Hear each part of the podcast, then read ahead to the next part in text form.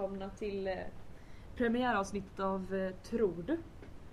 Som är en podcast som spelas in av eh, arbetsgruppen för tro och identitetsfrågor i Svenska kyrkans unga. Jag som pratar är Johanna Sjöström. Jag är 24 år, förskollärare till yrket till vardags och i Svenska kyrkans unga så är jag sammankallande i arbetsgruppen ja, och med i lite andra grupper också. Ja, jag är också med i den här podden och jag heter Sofia. Jag är 26. Jag pluggar för att bli informatör. Går i Gävle, pluggar på högskola. Och i Svenska kyrkans unga är jag valberedning för Uppsala distrikt och lite konfirmandledare och lite allt möjligt så. Jag heter Andreas, är 19 år gammal, har börjat studera religionsvetenskap nyligen. Har varit med i Svenska kyrkans unga på lite olika sätt. Eh, först och främst i lokalavdelning och nu här i arbetsgruppen. Jag heter Maria och jag är 51 år och jag jobbar för Svenska kyrkans unga på förbundskansliet här i Uppsala som teologisk samordnare. Så att jag lever Svenska kyrkans unga via mitt jobb, det är ju lyxigt. Mm. Vilka är Svenska kyrkans unga då? Det kan man fråga sig. Ja, ska vi se, vi är en ideell rörelse av barn och unga, för barn och unga inom Svenska kyrkan. Och medlem är man om man är 0-30 år. Är man som jag över 30 då är man vuxenmedlem. Så då får man inte rösta eller ja, påverka, men man får vara med och hjälpa till. Och man kan vara stödmedlem oavsett hur gammal. Precis. Och stödja med lite pengar, det är ju alltid välkommet. Idag så hade vi tänkt prata om eh, något som är aktuellt på tapeten inom Svenska kyrkan just nu och det är barnkonsekvensanalys. Och då tänkte jag att vi kunde börja med att bara gå en liten runda här runt bordet. Alltså vad vet vi som sitter här om barnkonsekvensanalys eller vad får vi för associationer när vi hör ordet? Johanna?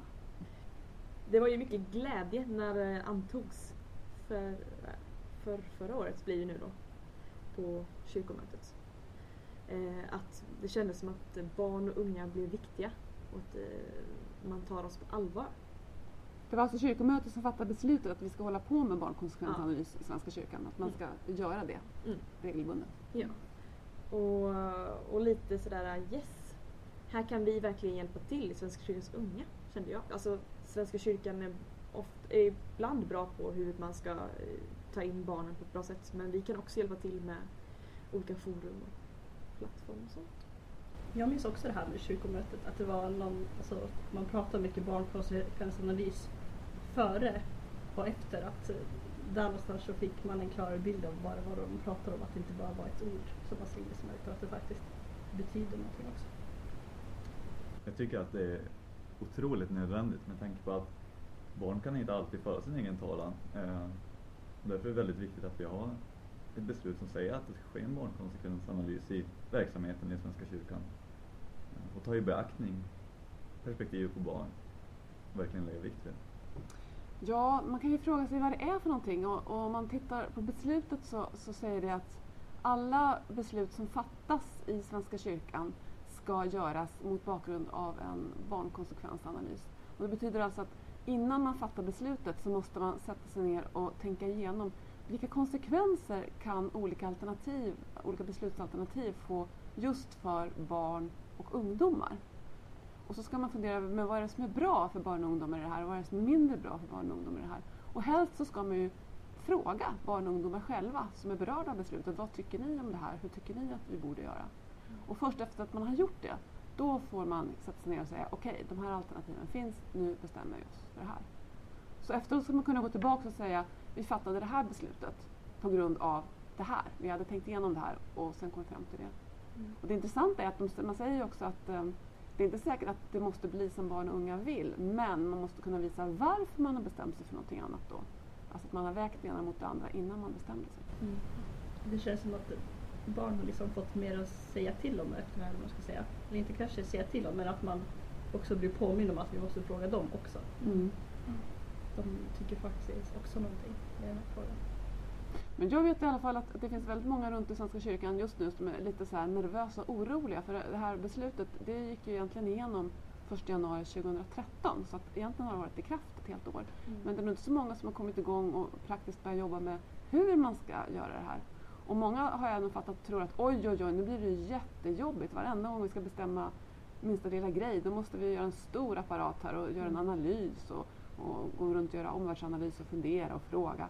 Men egentligen om man läser den här eh, rapporten som, som ligger utlagd på Svenska kyrkans hemsida om vad barnkonsekvensanalys är, så står det att man gör skillnad på två saker. Och det ena är löpande arbete och det andra är strategiska beslut. Och det betyder att en riktigt stor så här, konsekven, barnkonsekvensanalys, den behöver man göra när man ska fatta strategiska beslut. Mm. Alltså typ anta en budget eller bygga ett församlingshem eller Mm. kanske anställa en, en ny tjänst eller så. Men i den löpande verksamheten så ska man liksom helt enkelt prata med barn och ungdomar. Mm. Se till att de är delaktiga vardagligt i det man gör. Och de vuxna med varandra om barn och ungdomar. Ja, precis. Så att man pratar med varandra om det som är verkligen är viktigt. När jag tänker på barnkonsekvensanalysen tänker jag också på Johan Berkman, för detta förbundsordförande i Svenska kyrkans unga, som brukade berätta en historia om när han var liten och blev inbjuden till, eh, till kyrkorådet. Och då de skulle prata budget och ville höra en, någon, ett barn som skulle ha sin röst, göra sin röst hörd. Och de i princip frågade honom om han tyckte om ja, men det här med fika, det ligger mycket pengar på fika. Är fika viktigt? Det blev inte alls på hans nivå. Eh, och han kunde liksom inte ge ett bra svar egentligen. Att jo, ja, vi kanske skulle kunna klara oss utan fika, har jag för mig att det slutade med. Och att det är jag lite rädd för att det blir i en del församlingar. Att man inte gör det på barnens och deras nivå. Utan att man eh, fortsätter att prata på sitt sätt och inte släpper in dem på rätt sätt. Att det typ blir över deras huvuden. Ja, men lite så. Att man då klappar sig på axeln. Ja, men nu har vi pratat med ett barn. Mm. Men det är ju inte heller rätt sätt. Det är ju inte att få- få påverka för det här barnet egentligen. För de oftast vill ju svara det de tror att de ska svara som är rätt. Mm. Och det du säger nu, det blir viktigare också ju yngre barn man har att göra med. Alltså att man verkligen, man kan inte kalla upp barn och ungdomar till kyrkorådet och säga kom in här nu en kvart och berätta vad ni tycker och sen Nej. kan ni gå igen. Nej. För det måste ändå vara ett möte som är på jämnbördiga villkor Mm. och som, där man har förklarat vad det är man vill veta Mm. på ett sätt så att det verkligen blir relevant för de som ska svara. Mm. Ja, man missar en stor del av barnkonsekvensanalys som, som jag ser det. Det handlar mycket om att förstå hur barn tänker också. Och resonera. Det visar tydligt att gör man så så har man inte kanske riktigt tänkt igenom hur man ska ta kontakt med barn. Men jag tänkte, har ni några erfarenheter från den tid när ni har varit i församling, alltså kan, antingen som barn eller ungdomar eller som ledare eller på något annat sätt? Alltså, har ni några erfarenheter av att man har involverat barn och unga i liksom beslutsfattande på något sätt överhuvudtaget? Alltså i min ungdomsgrupp, eh, där bestämde vi alltid eh, alltså, vad vi skulle göra under terminen. Det bestämde vi ihop. Det fick vi rösta om. Så visste, våra ledare visste, ja men två stycken val kan vi göra som kostar mycket pengar. Och sen så fick man ju se, det blev inte alltid, alltså vi fick ju rösta igenom vilka vi tyckte och sen så fick man se vilket det blev. Man kanske röstade på två stycken och så blev det den som passade bäst för oss. Men annars så, nej inte så mycket. Mm. Jag har eh, rätt god erfarenhet faktiskt. Eh, I vår Svenska kyrkans unga lokalavdelning så hade vi våra två planeringsträffar. En på hösten och en tidigt på året. Där vi beslutade vad vi skulle göra. Och eh, det var egentligen vi ungdomar som bestämde det. Personalen var där och vi var tvungna att kolla med dem att det fanns ekonomi för det. Och, och de var där så att om det var no någonting helt galet så skulle de ha sagt nej. Men det har alltid gått väldigt bra. Vi har varit nästan självstyrande Mm. eh, i vår lokalavdelning. Konfirmandarbete har funkat sådär med terminsplanering. Vi har tryckt och försökt vara med men det har varit svårt att få ihop det med, med att personalen jobbar dagstid och vi har gått i skolan. Men vi det har försökt i alla fall att vi ska vara med i terminsplanering och konfirmandundervisning också. Sia, har du någon erfarenhet av Ja, delaktighet? vi är också sådana här, vi hade det som vi kallade medlemsmöte bara för några veckor sedan. Vad vi vill göra under den kommande terminen. Jag var inte med just på det mötet Mm. men jag vet att man pratar om så här, vad vill vi göra, vad ska vi liksom planera in för den kommande. Och jag tror också, det är min erfarenhet också av att varit, när jag själv har jobbat som anställd i, i kyrkan, just att när det gäller, åtminstone när det gäller ungdomsgruppen, att man brukar ha någon slags gemensam planeringsträff eh, där man pratar om terminen och kanske ledare, vi som är ledare kan ju ha förberett några förslag och sen så hör man vad finns det mer för förslag och sen så försöker man gemensamt då komma fram till en, en planering som alla är nöjda med. Mm. Men, men jag tror, är det inte det svåra kan vara just ju, om man pratar med yngre barn, alltså hur ofta får de som ha inflytande över sin egen verksamhet? Det funderar jag på. Jag tänkte lite på det för jag tror att ofta, alltså desto yngre man är, typ i en barngrupp, så tror jag ofta att det är så här, nu ska vi göra det här Mm. för att nu har vi vuxna bestämt det. Mm. Att man inte får så mycket att säga till om. Och att det man har att säga till om är typ saker som man kan göra som redan finns i huset. Mm. Inte så mycket så här åka på utflykt och så. Mm. Och där tycker jag är lite en svår balansgång för att eh, man pratar om det här med att eh, om man ger barn valmöjligheter så måste det vara liksom realistiska valmöjligheter. Om, om liksom jag ska säga att, till en sexåring till exempel, vad vill du göra? Ja, men vad har jag att välja på? Vilka gränser finns det? Vad är möjligt? Fika, titta på TV. Alltså, det handlar också om att ge förutsättningar för att fatta egna beslut. Att ska, ju yngre barnet är desto viktigare är att man förklarar liksom sammanhanget tror jag. Ehm, det här är möjligt. Ehm, det, här, det här skulle vi kunna göra. Finns det något helt annat som du har att föreslå? Ehm, Det kan ju bli att barnet vill åka till månen. Det Ja, är men- lite svårt. Precis. Disneyland, ja! Men jag tänker att ibland så tror jag att vi som är vuxna lite för ofta föregriper och, och som tänker att ah, men, det här blir för svårt eller det, vi- bestämmer åt dem för vi vet ju rätt bra vad de tycker är roligt och så. Mm. Att man inte vill göra den här utmaningen att försöka anpassa beslutet efter barnets möjligheter. Liksom. Jag tror en viktig del är, där är att utvärdera. Ja, Om det nu är svårt att få konkreta förslag från barnen så får man kanske gå andra hållet. Så när man har gjort, haft en verksamhet där man har, har barn har gjort aktiviteter får man kolla vad tyckte de om dem. Mm. Då har de ju faktiskt konkret gjort det. Och så får man försöka fundera, ja men om de inte tyckte om det, hur kan vi förbättra eller förändra då? Eh, på så sätt hitta fram till någonting som passar bra. Mm. Och det har ju mycket med det här liksom, vardagsdialogen att göra, att man pratar med varandra hela tiden. Eh, som inte bara en gång per termin frågar vad tycker ni är roligt, utan som du säger, att man pratar medan man håller på.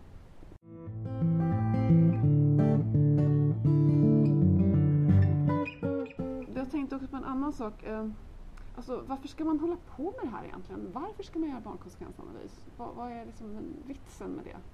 Vad tänker ni?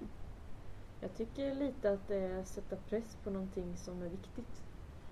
Jag tror, det har ju gjorts innan att man har försökt ta sig till barns, röst, barn och ungdomars röster. Man kanske inte känt att, eller det är lite mer press på det nu. Att man ska göra det. Ja, Men det är på riktigt, nu Ja, finns det liksom ett beslut precis. som man måste förhålla sig till. Ja, Att det liksom finns konsekvenser om du inte gör det. ja. Att det bara det inte är, det, det händer ingenting om du inte gör det. Jo, men det är intressant. Vad är det som händer om man nu inte gör barnkonsekvensanalys då? Alltså jag, jag har för mig att det är så att, eh, att om ett beslut har gått igenom utan att man har gjort en barnkonsekvensanalys så kan det ogillas eller avslås eller vad Mm. ja, det, går Man, man får ta tillbaka det, liksom, man får inte göra det. Mm. Det är jättespännande.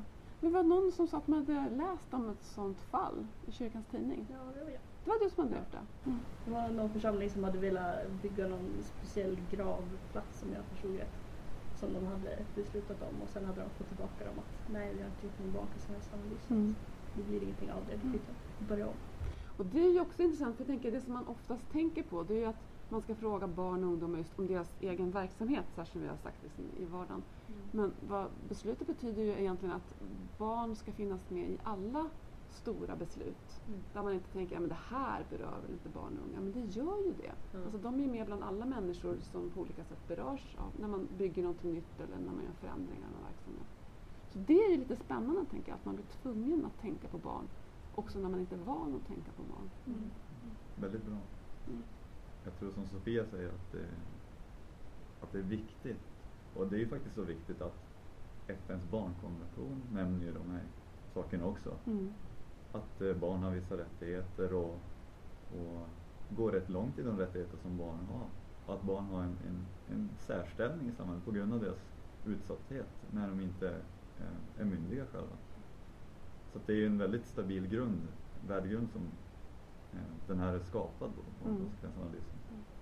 Ja, precis. För jag vet inte om alla känner till det, men det, FN antog ju en speciell konvention just om barnets rättigheter. Det var 1989 tror jag. Och Sverige gick med, alltså ratificerade, skrev på 1990. Så ända sedan dess har vi faktiskt eh, förbundit oss här i Sverige att vi ska följa barnkonventionen som bland annat säger just det här att varje barn har rätt att göra sin röst hörd i alla frågor som berör barnet. Mm. Eh, Men det här är ju ett väldigt konkret beslut som faktiskt gör att det kan bli verklighet, Mm. inte bara teori. Så det är spännande att se hur det går. Ja. Och verkligen det här med vad berör barnen. Mm. För det minns jag i somras när vi hade ett arrangemang som heter Det unga kyrkomöte. När vi eh, gjorde Motionssvar. ja, motionssvar på eh, några av motionerna som kom in till kyrkomötet. Och vi sedan fick en del kritiska ord om att vi inte hade svarat på allting som handlade om, kom, om konfirmationen. Medan vi tyckte att det var mer relevant att svara på några av de andra motionerna. Och därför valt ut dem. Och där är ett ganska tydligt exempel på att ja, men, ungdomar... Plats begränsas Ja, Mm. till där de finns bara. ja, men precis.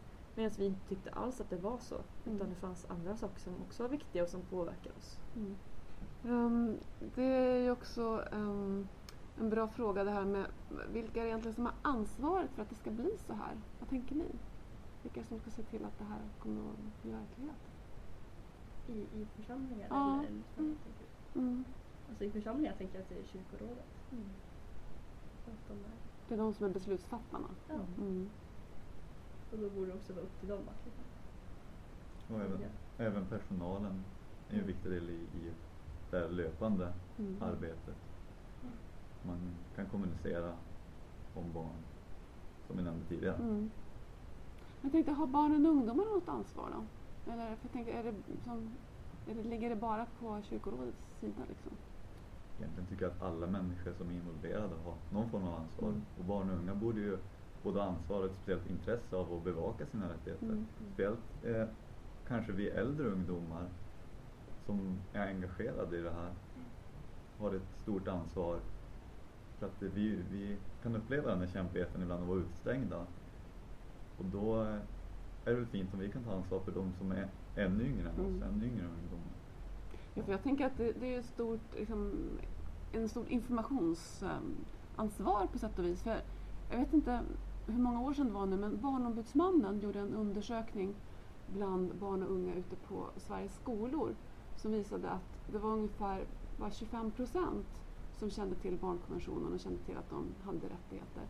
Vilket är ganska lågt om man tänker att, att skolan har ett ansvar att berätta om barnkonventionen liksom, i skolan. Um, så tänker om bara 25 procent ändå liksom har fattat det här att det finns någonting som heter barnkonventionen, att den handlar om mig och mina rättigheter. Då är det ganska många som inte vet det. Och det är säkert samma sak inom Svenska kyrkan. Att Mm. väldigt många barn och ungdomar vet inte om det här beslutet eller vad det betyder eller att Mm. det kan ha någon påverkan på deras verklighet. Um, och om man, ingen vet om det som, är liksom, eh, som beslutet är till för, då är frågan om vem kommer då överklaga om det inte görs barnkonsekvensanalys om man inte vet att man har rätt till det. Liksom. Ja, men det jag hoppas med, alltså med barnkonsekvensanalysen är att det inte ska ses som någonting jobbigt och någonting negativt och mer arbete. Utan att det ska underlätta och eh, vara utvecklande för eh, ja, beslutsfattarna i församlingen.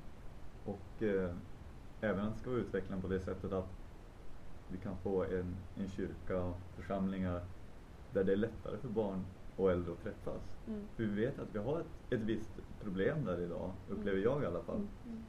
Ja. Och den här barnkonsekvensanalysen, eftersom vi invol- involverar barn och unga i alla beslut, så på något vis så tror jag att det kan föra eh, kyrkdeltagarna närmare. Mm. Och som eh, du Maria pratade om, det här eh, vems är ansvaret? Så tror jag att det ganska lätt är för oss barn och unga att säga, men det är de vuxna, de som beslutar, det är deras ansvar. Men det är ju också vårt ansvar, för annars vet inte de att vi är intresserade. Jag har engagerat mig i Linköpings distrikt där vi har haft middagar med biskopen just för att mötas, ungdomskyrkan och vuxenkyrkan. Och där han påpekar att han har hört både från ungdomar, vi saknar de äldre, och äldre har sagt, vi saknar de yngre. Så att vi, bo, vi båda vill, men man pratar inte med varandra om det. Jag hörde samma sak angående internationellt arbete Mm. i Härnösands stift. Mm. Där eh, de har varit ut och kollat och de äldre som, som är väldigt engagerade i internationella frågor frågar dig vart är de yngre? Och de yngre tycker att det är svårt att komma in och, och svårt att få kontakt. Mm.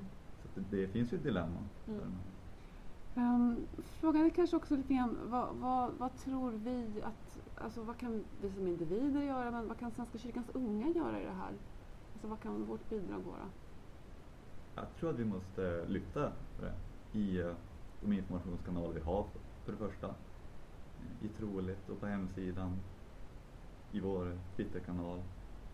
Men även att försöka få lokalavdelningen engagerade i det här. Mm. Anordna. Det kan man göra på massa roliga sätt. Vi brukar vara rätt bra på det.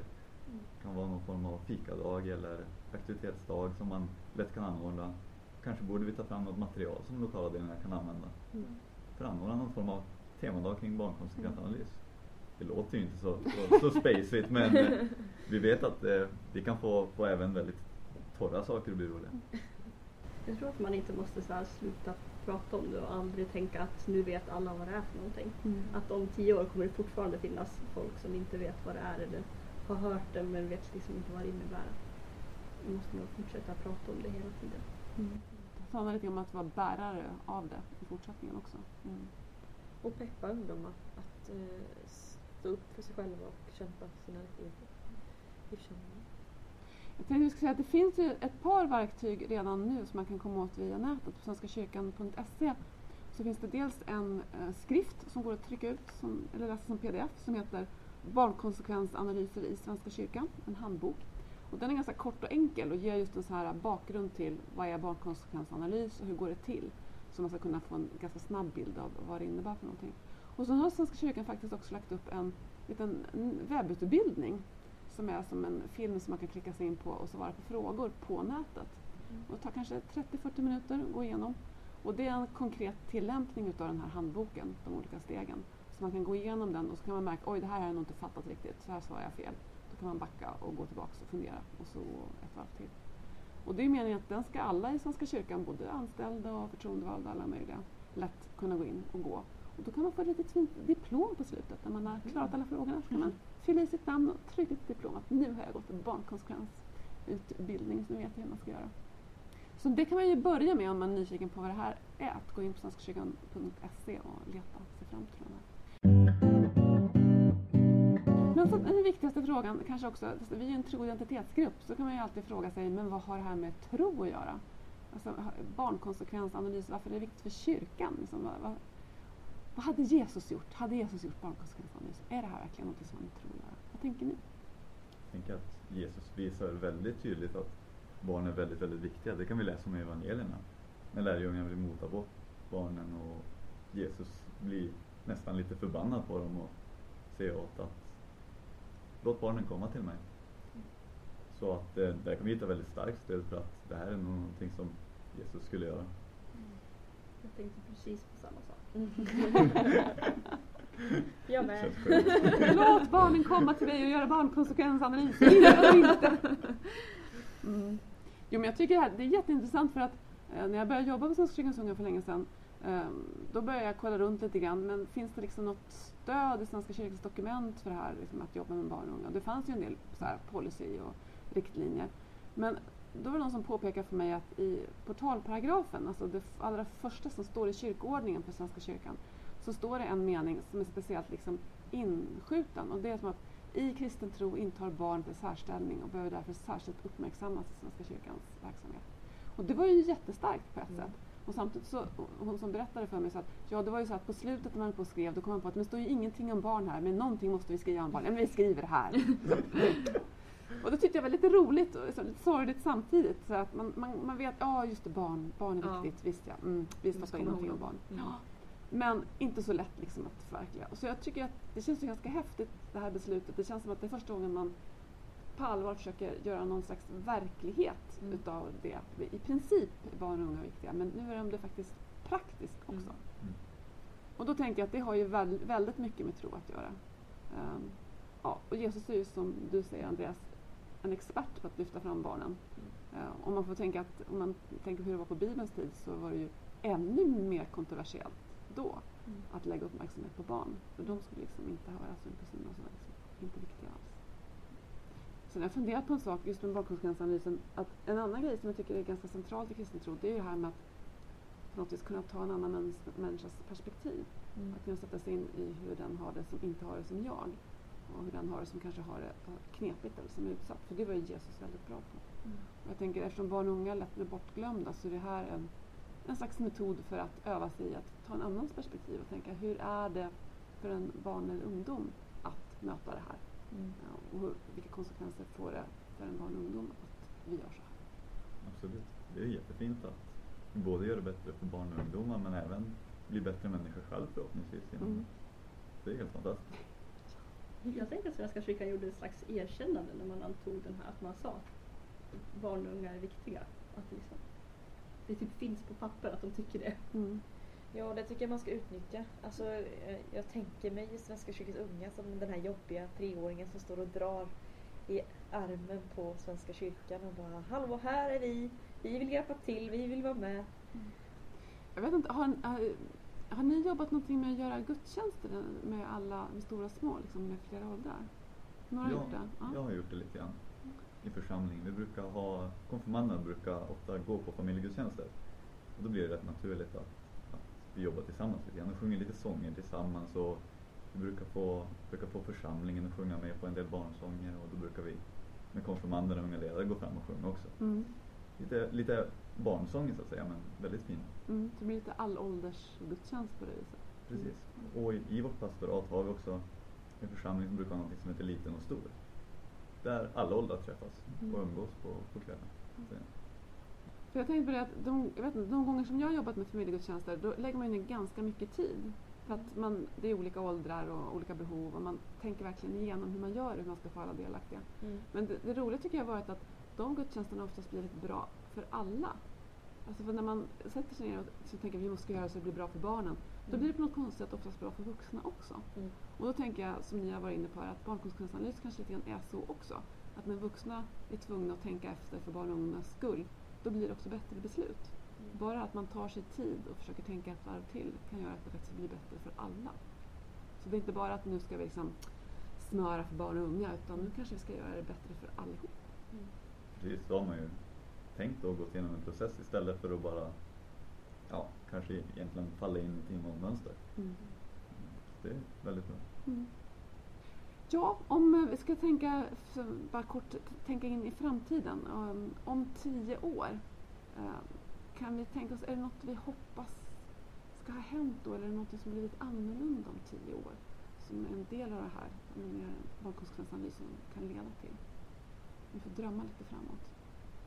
Jag tänker att man då har man slutat se barnkonsekvensanalyser som någonting som är nytt och jobbigt. Att det är en självklarhet bara att man ska göra det här också. Och jag blir så här, om tio år, ja men då hoppas jag att mina barn, som jag kanske har, att de ska kunna gå på söndagsgudstjänsten eller söndagsmässan och de, de ska kunna delta på sitt sätt. Och det är ingen som ska kolla på dem och, och hyscha dem eller tycka att jag borde göra ett bättre jobb som förälder för att jag inte hyschar dem. Utan att man ska ha, att vanliga söndagsmässan ska vara anpassad för alla åldrar, jämt. Att det inte ska behöva vara en familjegudstjänst utan det ska alltid vara Mm. på sätt. Mm. Eller i alla fall ge barnen möjlighet att få vara med. Jag hoppas nog också att det har implementerats mer i folks medvetande. Mm. Att det inte längre bara ska vara någonting som man måste sätta sig ner och fundera utan det blir en naturlig del Mm. eh, av ens tänk. Så att man har eh, tagit till sig det och, och lyckats jobba med det och gjort det till, till någonting som ligger nära en, Mm. nära hjärtat. Och, och det är en, en del av sig själv. Mm. Det är min förhoppning. Mm. Och jag tänker, apropå de ungas kyrkomöte, eh, det här att vi har också hittat sätt på nationell nivå med kyrkomötet att unga är delaktiga. Mm. Och det är ju också en stor utmaning när det är ett sånt så stort och väldigt formellt möte med Mm. många deltagare. Men jag hoppas verkligen att vi om tio år har hittat sätt där ungar och barn på något vis kan vara med och säga vad de tycker även i det sammanhanget. Mm. Det skulle vara jättehäftigt. Men eh, då kanske vi har kommit till slutet på det här samtalet. Och nu vet förhoppningsvis alla våra lyssnare precis vad barnkonsekvensanalys är. Ja, precis. Och vi vill såklart höra vad ni tycker där hemma. Eh, vi har eh, ett Twitterkonto som man kan gärna få följa. Som är SVK Ungtro. Och hashtaggen som vi använder till den här podcasten är hashtag tror du. Och skulle man vilja mejla till oss istället så kan man mejla till tro svenskakyrkansunga.se Så eh, tack till alla er som har lyssnat och välkommen tillbaks om två veckor igen så är det dags för nästa sändning. Då ska temat vara det stora mötet med Kyrkornas världsråd som var i Busan i Korea i november. Och förhoppningsvis så kommer vi att ha en gäst då som kan berätta lite mer om vad som hände då och vad Mm. ekumenik är för någonting när kristna möts över kyrkogränserna. Spännande. Då får ni höra Marcel, Marcel, Bella och Lovisa. Lovisa. Förhoppningsvis. Förhoppningsvis. Om ingen är sjuk. Ja. Och eh, skulle man vilja använda Facebook för att lämna eh, sina åsikter istället så finns det en eh, Facebook-sida som heter Tror du. Så tack för att ni lyssnade som sagt var och eh, vi hörs igen. Tack, tack. Hej då.